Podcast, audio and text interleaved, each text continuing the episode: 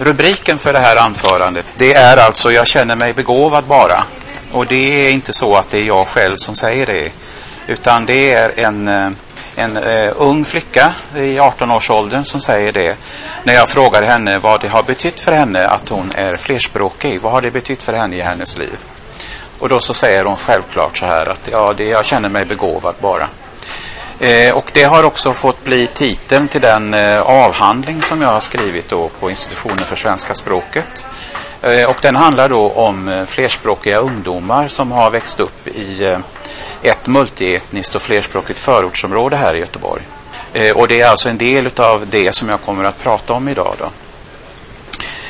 Jag kommer inte att prata om allt som ingår i den avhandlingen därför att det är ganska mycket utan jag kommer att uppehålla mig just vid de här, det är åtta stycken informanter som jag har eh, åtta stycken ungdomar då i 18-årsåldern som jag har intervjuat just för att eh, eh, det har för mig varit intressant att eh, ta reda på vad betyder det för de här ungdomarna att de själva är flerspråkiga och att de växer upp i eh, flerspråkiga och eh, multietniska förortsområden som ni vet att det finns ganska många av. Inte bara här i Göteborg utan också på andra ställen i landet. Och jag har valt att låta det här eh, förortsområdet vara anonymt. Jag har kallat det i min bok har jag kallat det för Norrby och den skola som jag har undersökt eh, den har jag kallat för Centrumskolan och det är för att de ska kunna få vara eh, anonyma och det är inte viktigt egentligen vilket område jag har gjort undersökningarna i. Utan det är, jag vill försöka kunna visa på lite mer generella saker då när det gäller flerspråkighet och eh, vad det betyder för eh, ungdomarnas identiteter. Alltså jag har för den här eh, avhandlingen så har jag gjort två stycken eh, större undersökningar. Och den ena undersökningen har inneburit att jag har, den gjorde jag 1998, det är alltså ganska länge sedan nu då. Och eh, det innebar att jag gick ut på, en, eh, på Centrumskolan som jag alltså kallar den. Eh, det var en mellanstadieskola och där intervjuade jag eh, med en enkät 179 eh, stycken elever. Och det gjorde jag för att jag ville få en slags uppfattning och bakgrund till vilka språk de talar, vilka språk de använder, när de har kommit till Sverige och eh, hur de själva ser på språk och sina språkkunskaper och så. Ehm, så det blev en slags bakgrund då till det som jag sen gjorde fem och ett halvt år senare då jag följde upp med att eh, eh intervjua, djupintervjua fem, äh, förlåt, åtta stycken utav de Eh, elever som också var med i den första in, eh, undersökningen. Eh, nu när jag, då gick de i årskurs 6 när jag gjorde den första undersökningen. Sen när jag nu eh, senare sökte upp dem så gick de alla utom en sista året eh, på gymnasiet och var på väg ut i ja, yrkesliv eller, eller högskolestudier eller vad det kunde vara. Det var det jag var lite intresserad av också. Um, och de, eh, jag kan ju presentera de här informanterna så att ni, de blir lite mer personliga för er då kanske. Då är det Aleina och hon eh, är den enda som är född i Sverige. Eh, hon har turkiska föräldrar, de kom hit alltså till, till Sverige då. Och eh, hon har turkiska som sitt modersmål och talar också turkiska. Hon gick då på samhällsprogrammet och hennes framtidsplaner innebar att hon ville bli, utbilda sig till ekonom Sen var det Gloria som har, eh, hon kom hit som ung, eh, par år bara. Eh, hon har spanska som sitt modersmål och eh, kommer eh, från Chile. Hon gick också samhällsprogrammet och ville utbilda sig till journalist. Det var hennes mål. Janira kom hit som mycket ung hon var bara ett drygt år när hon kom hit. Eh, hon kommer från Kap Verde och talar ett språk då som heter creolo som är ett portugisiskbaserat kreolspråk och det är enbart ett eh, talspråk. Det finns inget skriftspråk till det. Eh, hon gick också samhällsprogrammet och ville utbilda sig till ekonom. Sen var det Keivan som eh, kom från Iran som fyraåring och han har persiska som sitt modersmål. Då. Eh, han gick teknikprogrammet då när jag intervjuade honom och hans mål var att bli programmerare alternativt att eh, om situationen blir sån i Iran så vill han återvända till Iran och vara med och bygga upp ett demokratiskt land där. Maja eh, kom som eh, sjuåring eh, 92 eh, när inbördeskriget i före detta Jugoslavien var. Kommer från Bosnien och har bosniska som sitt modersmål. Hon gick ett eh, specialutformat IT-program Och hennes mål att, var, eh, att bli ekonom eller eh, starta en egen revisorsfirma var också någonting hon ville göra. Mohammed, han var den enda som inte gick på gymnasiet. Han hade alltså börjat ett hotell och restaurangprogram men hade hoppat av flera olika utbildningar. Han kom som fyraåring från Irak och han har arabiska som sitt modersmål. Hans önskedröm var egentligen att kunna få bli reseledare där han skulle kunna få använda sig sina, av sina arabiska kunskaper. Men eh, han har liksom inte riktigt lyckats att komma in i, i utbildningarna. I alla fall orkade han inte härda ut riktigt kan man säga. Sen var det Monja som eh, också kom från eh, eh, Bosnien 92. Och han var åtta år när han kom hit. Så han var egentligen den som var äldst av mina informanter här när han kom till Sverige. Han har förstås bosniska som sitt modersmål. Han gick teknikprogrammet och han ville utbilda sig till industridesigner. Och sen var det Natalia som kom från Chile eh, som ung, mycket ung, ett par år eh, och talade spanska då som sitt modersmål gick på samhällsprogrammet och hon var alldeles övertygad om att hon skulle jobba i resebranschen på något sätt. Kanske eh, starta någon egen resefirma eller någonting sånt. Det var alltså de här som jag eh, eh, träffade och intervjuade och jag eh, intervjuade dem då eh, i eh, under ganska långa intervjuer där de fick möjlighet att berätta för mig om sina liv och det var egentligen ifrån, ända ifrån början av sina liv eh, fram till idag då. Och jag var naturligtvis mest intresserad, eller hade fokus på det här med eh, flerspråkigheten, vilka språk de talade och behärskade och när de använde vilka språk. Och så. Men jag kom naturligtvis också in på sånt som eh, eh, vad, vad, hur de ser på framtiden, vilka yrken då som sagt de var intresserade utav.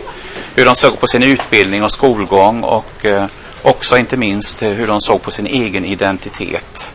Vilka de var och eh, vad det var som bestämde det så att säga.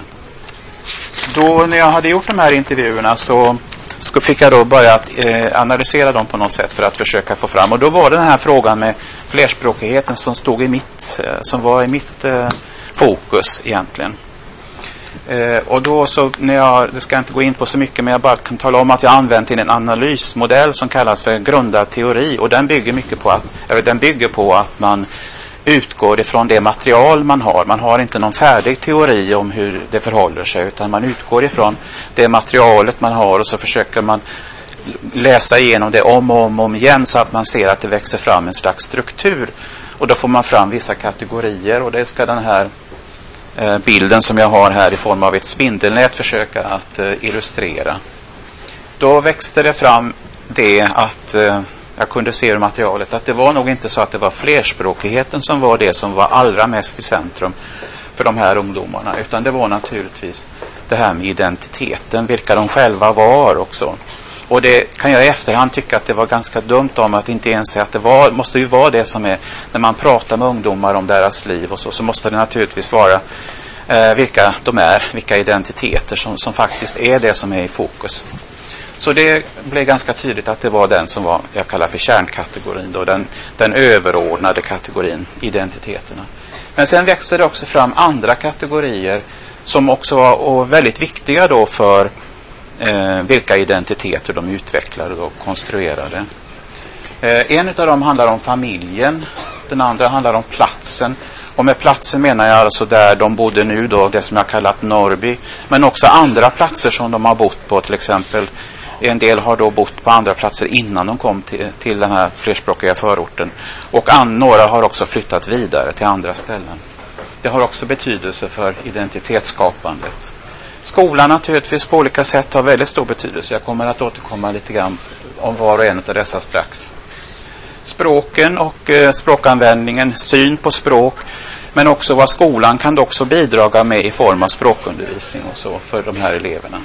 Och sen är det också det som jag har varit inne på lite grann här, vilka mål de har i livet, hur de ser, hur de ser fram, eh, sin framtid och vad det är de tänker sig att de ska göra. Eh, det var de här sakerna då som byggde upp den här spindelnätsmodellen då. Och då tänkte jag att jag skulle ta lite grann om var och en av de kategorierna. Om jag börjar med familjen här då. Så är naturligtvis familjen oerhört viktig för vilka identiteter de här ungdomarna bygger upp.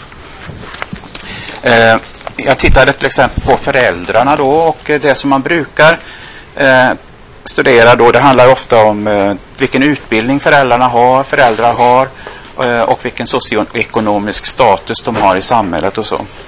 Utbildningen kunde jag eh, ta reda på. Det går ganska bra. Det, det, visste de vilka utbildningar och vad de hade för yrken och så innan de kom till Sverige då, föräldrarna alltså. Kunde ungdomarna berätta om. Däremot var det svårare att titta på det här med socioekonomisk status.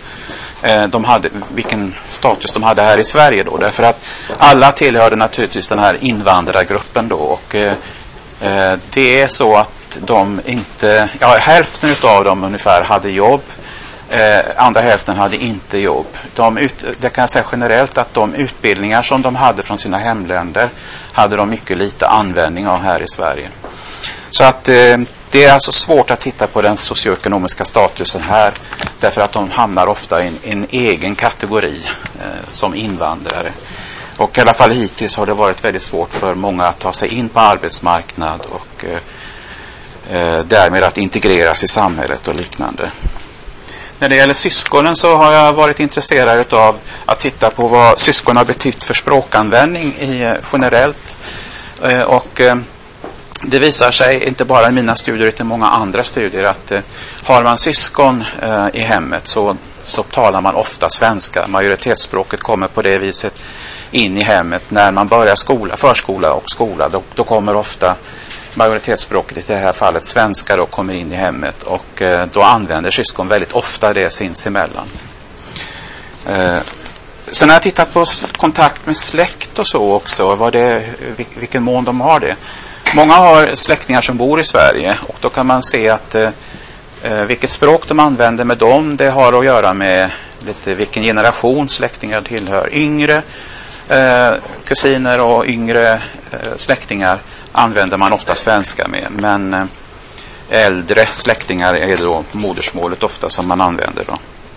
En del av de här, eh, Aleina som kommer från Turkiet och eh, Maja Eh, och eh, Monja, de har eh, också kvar bostäder i sina länder, i sina hemländer.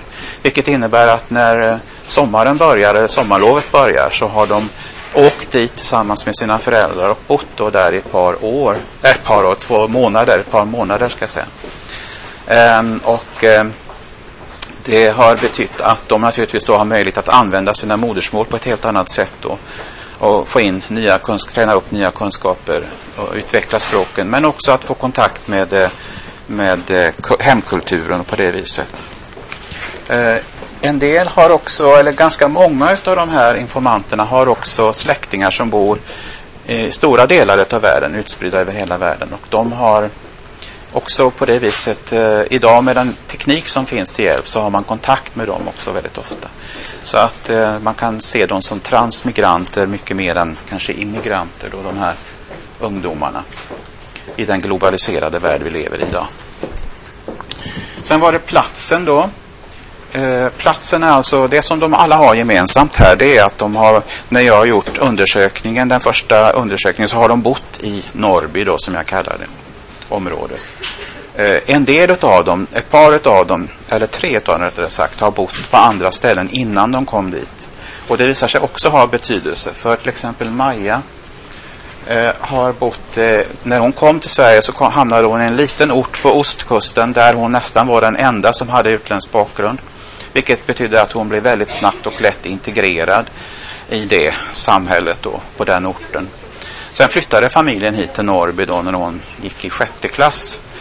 Eh, och sen gick hon eh, också högstadiet där i området. Men sen så bestämde sig familjen för att flytta vidare. För de uppskattar inte så det här mångkulturella området lika mycket som de andra har gjort. Då, som har bott kvar. Eh, och de flesta bor kvar idag. Det är två stycken som som har flyttat från området och det är Natalia som bor i ett annat område då som inte är ut, utpräglat eh, multietniskt på något sätt. Eh, och eh, för henne passar det bra. Eh, förlåt, nej, nu, jag menar det var Maja som har flyttat. Och eh, hon trivs med det, att, att bo i ett mer svenskintegrerat område. Natalia har också flyttat till ett annat område men det som är, eh, i alla fall när jag intervjuade henne var typiskt var att hon hade en pojkvän som bodde i Norrby. Så att hon betyder att hon ändå nästan varje dag eh, reste till området och trivdes väldigt bra där. Det som också framkommer när man pratar med dem om eh, området och förortsområdet här är att de alla eh, så gott som försvarar detta område. Det, eh, det har inte i, i, det allmänna medvetandet någon större status. Det, det har det inte. Eh, och det är de väl medvetna om. Men de tycker att det är väldigt orättvist eh, att beskriva det på det viset. De försvarar det och eh, säger att de känner sig hemma och trygga eh, i det området. Um, Ja, sen var det då eh, skolan som jag har tittat på också då. Och då var jag mest intresserad av att se hur har de uppfattat skolan och tiden i skolan. Och då kan man säga att när man tittar på de yngre, den tidigare skolåldern så eh, när de gick i förskola och eh, lågstadiet så tycker de att det har varit väldigt eh, Eh, oproblematiskt och ganska lätt och trevligt. De har haft skojigt där tycker de.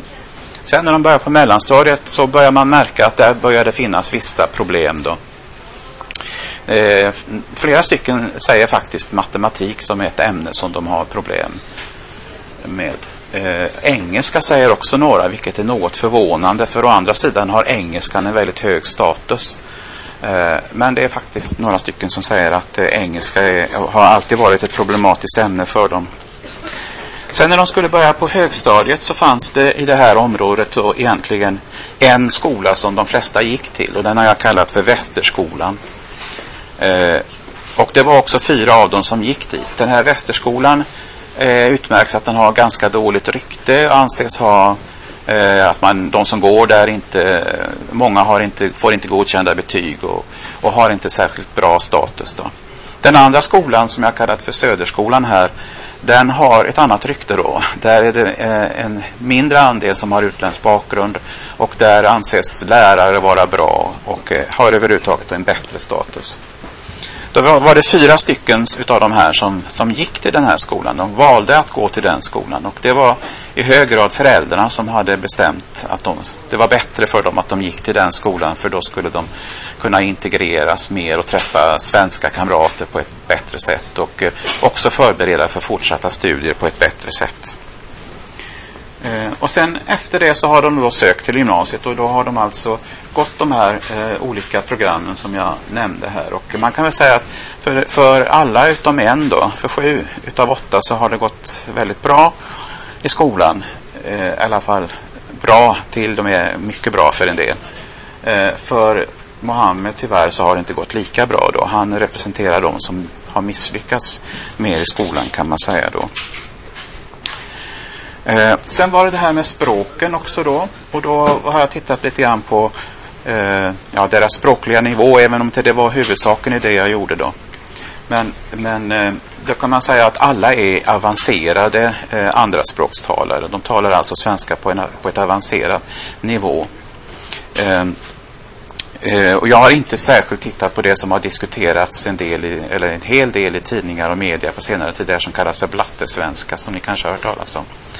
Det har jag inte kunnat konstatera att det finns hos någon och det skulle i så fall antyda att de har en kapacitet att kunna variera sitt språk beroende vem de pratar med. När de pratar med mig, som de vet att jag kommer från universitetet, så, så pratar de alltså på ett språk som inte man kan alls på något sätt säga vara blattesvenska. Eh, vilket skulle säga att de, de, de behärskar flera varieteter. Då. Sen var jag intresserad förstås också vad eh, skolan eh, kunde erbjuda i form av språkligt inflöde och så. Eh, skolan ska ju erbjuda modersmålsundervisning och eh, de alla utom en då, Mohammed igen, eh, har deltagit i modersmålsundervisning eh, under så gott som hela sin skolgång, även på gymnasiet. Eh, svenska som andraspråk finns också då som eh, eh, riktar sig till den här elevgruppen.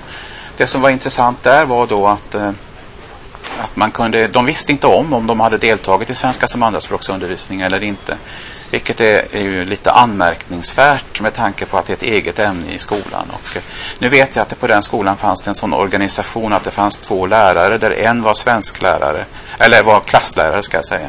Och den andra hade ansvar för svenska som andraspråk. Det visste jag, men det var ingenting som framkom att eleverna visste om. Eh, sen har jag som sagt tittat på det här med hur de har använt sina språk och eh, i hemmet så, så är det eh, fortfarande så att de i hög grad använder sig av sitt modersmål, särskilt med föräldrarna. Med syskonen är det, är det mycket mer då att de har gått över till att använda svenska. Eh, och utanför hemmet är det nästan enbart så att de bara talar svenska. Så att totalt sett så är deras språkanvändning på det viset att de använder väldigt mycket svenska. Alltså. Och det är nästan enbart i hemmet som de överhuvudtaget använder sina modersmål. Då. Um, ja, de ser väldigt positivt på sin egen flerspråkighet. Det faktum att de är flerspråkiga, liksom den här titeln antyder. Då. Eh, men de är väldigt klara över att det är svenskan ändå som är deras dominerande språk. Sen var det då mål och syn på framtid som jag tittat på också. Då, och då eh, var jag intresserad av hur de såg framåt på sin framtid. Om de, om de kände sig oroade, oroliga inför framtiden eller om de såg framåt med tillförsikt. Och då kan man säga att det fanns eh, de, de bland annat Mohammed som, som uttryckte stor oro för framtiden. Han hade alltså misslyckats i skolan då vid ett flertal tillfällen och eh, kände stor oro för hur han skulle kunna skaffa sig ett yrke och en, en inkomst och så. Eh, han var också lite oroad inför eh, hur det skulle gå till för honom att få tag på en bra fru och sådär, att bilda familj. Eh, men de, många av de andra då här eh, uttryckte en sta, stark förtröstan på att det skulle gå jättebra. Och de eh, visste att de eh, eh skulle kunna eh, uppnå det som de hade föresatt sig. och så. De hade ett starkt självförtroende.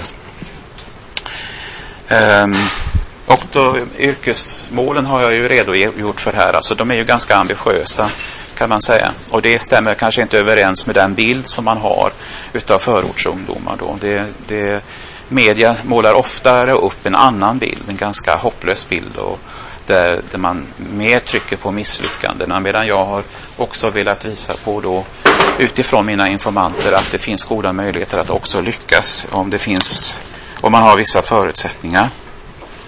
Eh, sen eh, när det kommer in på själva identiteten då så, så anser jag att det är en väldigt eh, sammansatta, sammansatta identiteter som de. Den här bilden på framsidan av min bok ska försöka illustrera det här då. Hur, hur eh, komplexa och sammansatta identiteterna faktiskt är. Och jag har frågat dem till exempel om hur, hur de ser på sin egen identitet då.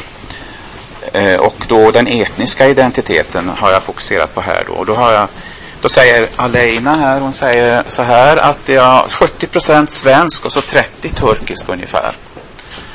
Keivan, när jag frågar honom samma sak, så säger han, jag känner mig som 70 procent svensk och resten perser eller iranier. Jag känner mig som mer svensk än iranier. Och Natalia, säger också så här, ska man säga 70 procent svensk och 30 chilenare, det är starkare svensk. Så det här med 70-30 verkar vara någonting som, som flera känner. Eh, Janira då som kom från Kap Verde säger eh, om man tänker på tradition och allt sånt så är jag nog mer kreol. Fast språkmässigt så är jag mer svensk. Så hon skiljer på kulturen och språket. Då. Och Maja som var den som eh, var mest integrerad svensk utav de här tror jag. Hon säger så här. Jag kan säga så här. När jag är med kompisar och så. Då känner man sig mer svensk. När jag är hemma då känner man sig bosnisk. För då är man liksom med föräldrarna och då pratar man ju bosniska. Och sen var det Monja som också kom från Bosnien. Han säger. ehm, det är det att jag har bosniskt i mig. Jag kan inte förändras på det sättet. Så för honom var det naturligt att han behöll mycket av det bosniska. Och så var det Mohammed då. Eh, när jag frågar honom, hur han, jag frågar honom förmodligen om han ser sig som svensk eller hur han ser på det. Då säger han, ja då och då, men det är mest invandrare jag känner. Men jag känner mig som svensk också. Då fortsätter jag lite så här. Men när du säger invandrare, vad är det då som, känner du dig som iraker eller är det allmänt invandrare? så är han, nej allmänt typ svartskalle eller på något sätt.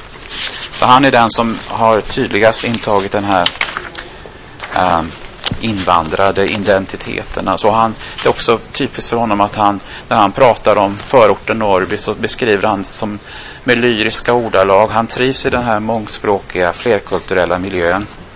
Eh, och han beskrev när han kom dit då, när han hade bott eh, på en liten plats uppe i, i norr i ganska många år innan han kom till, till den här förorten då i Göteborg här.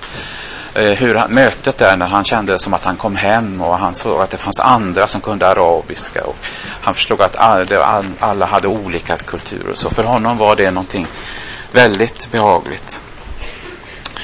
Så eh, om man ska säga någonting om de här identiteterna och vad de, och vad de har att hämta ur så, så skulle jag vilja säga att dels har de naturligtvis den svenska majoritetskulturen som de kan eh, ha att plocka ur. Sen har de sin egen ursprungskultur också. Eh, men de har kompisar då som kommer från många andra delar av världen och från andra kulturer. De plockar från deras kulturer också. Som till exempel Mohammed. Han var god vän med eh, Keivan här från Iran. Och eh, han, han till exempel hade snappat upp och lärt sig där, persiska och kunde en del ord och kände sig hemma lite grann i den kulturen också. Och sen eh, överhuvudtaget då alla de eh, kulturer som finns i det här multietniska området naturligtvis. Men sen finns det också olika ungdomskulturer som till exempel då representeras eh, ofta av eh, rapkulturer och eh, ja, olika musikkulturer och så. Och inte minst också andra sådana här globala ungdomskulturer. Det finns alltså starka band till exempel då med Bronx och, och Los Angeles och de eh, lite mer marginaliserade ungdomskulturerna som finns där. Jag har också försökt att beskriva det här då lite for mer formellt och då så har jag försökt se vad är det som förenar de här olika kategorierna. Vad är det som finns bakomliggande här?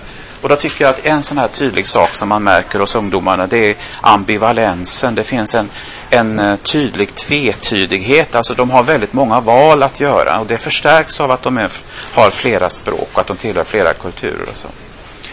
Eh, och det kan man då kalla för ambiguitet. Det kan naturligtvis vara ett problem eh, detta att man har så många val att göra. Men för, för flera av de här ungdomarna så har eh, de visat sig ha en stor tolerans för ambiguitet. Alltså de, de har en, en tolerans för, för, att, eh, för den här tvetydigheten. Och för, för dem är det inget problem att det finns, finns flera val att göra. Utan det blir, för dem blir det till en möjlighet istället. Då. Man behöver inte ta antingen eller. Man kan ta både och och kanske ytterligare något. Då. Ehm, och sen har vi då Eh, en investering som är ett, ett, begrepp också som jag har lånat härifrån Bonnie Norton, en kanadensisk språkforskare. Eh, alltså, och eh, det handlar om viljan att, vilja, viljan att investera till exempel språkkunskaper eller eh, eh, kunskaper, utbildning och så vidare. Eh, om, man, om man inser eller ser att man har, kan få någon utdelning av det också. Eh, och det kan man säga att det gäller för flera av de här.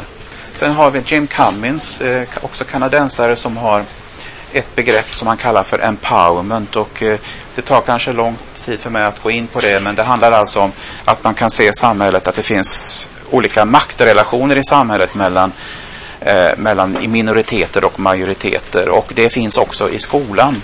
Och där har läraren en stor viktig roll då att eh, förhandla fram tillsammans med eleverna där, de flerspråkiga eleverna, i, i någon slags kollaborativa maktrelationer. Eh, eh, så att de blir styrkta på ett sätt som gör att de kan göra sina egna val, få handlingsutrymme. Och det tycker jag att flera här visar på att de har fått. Eh, och tillsammans kallar jag det för synkretiska identiteter. Då.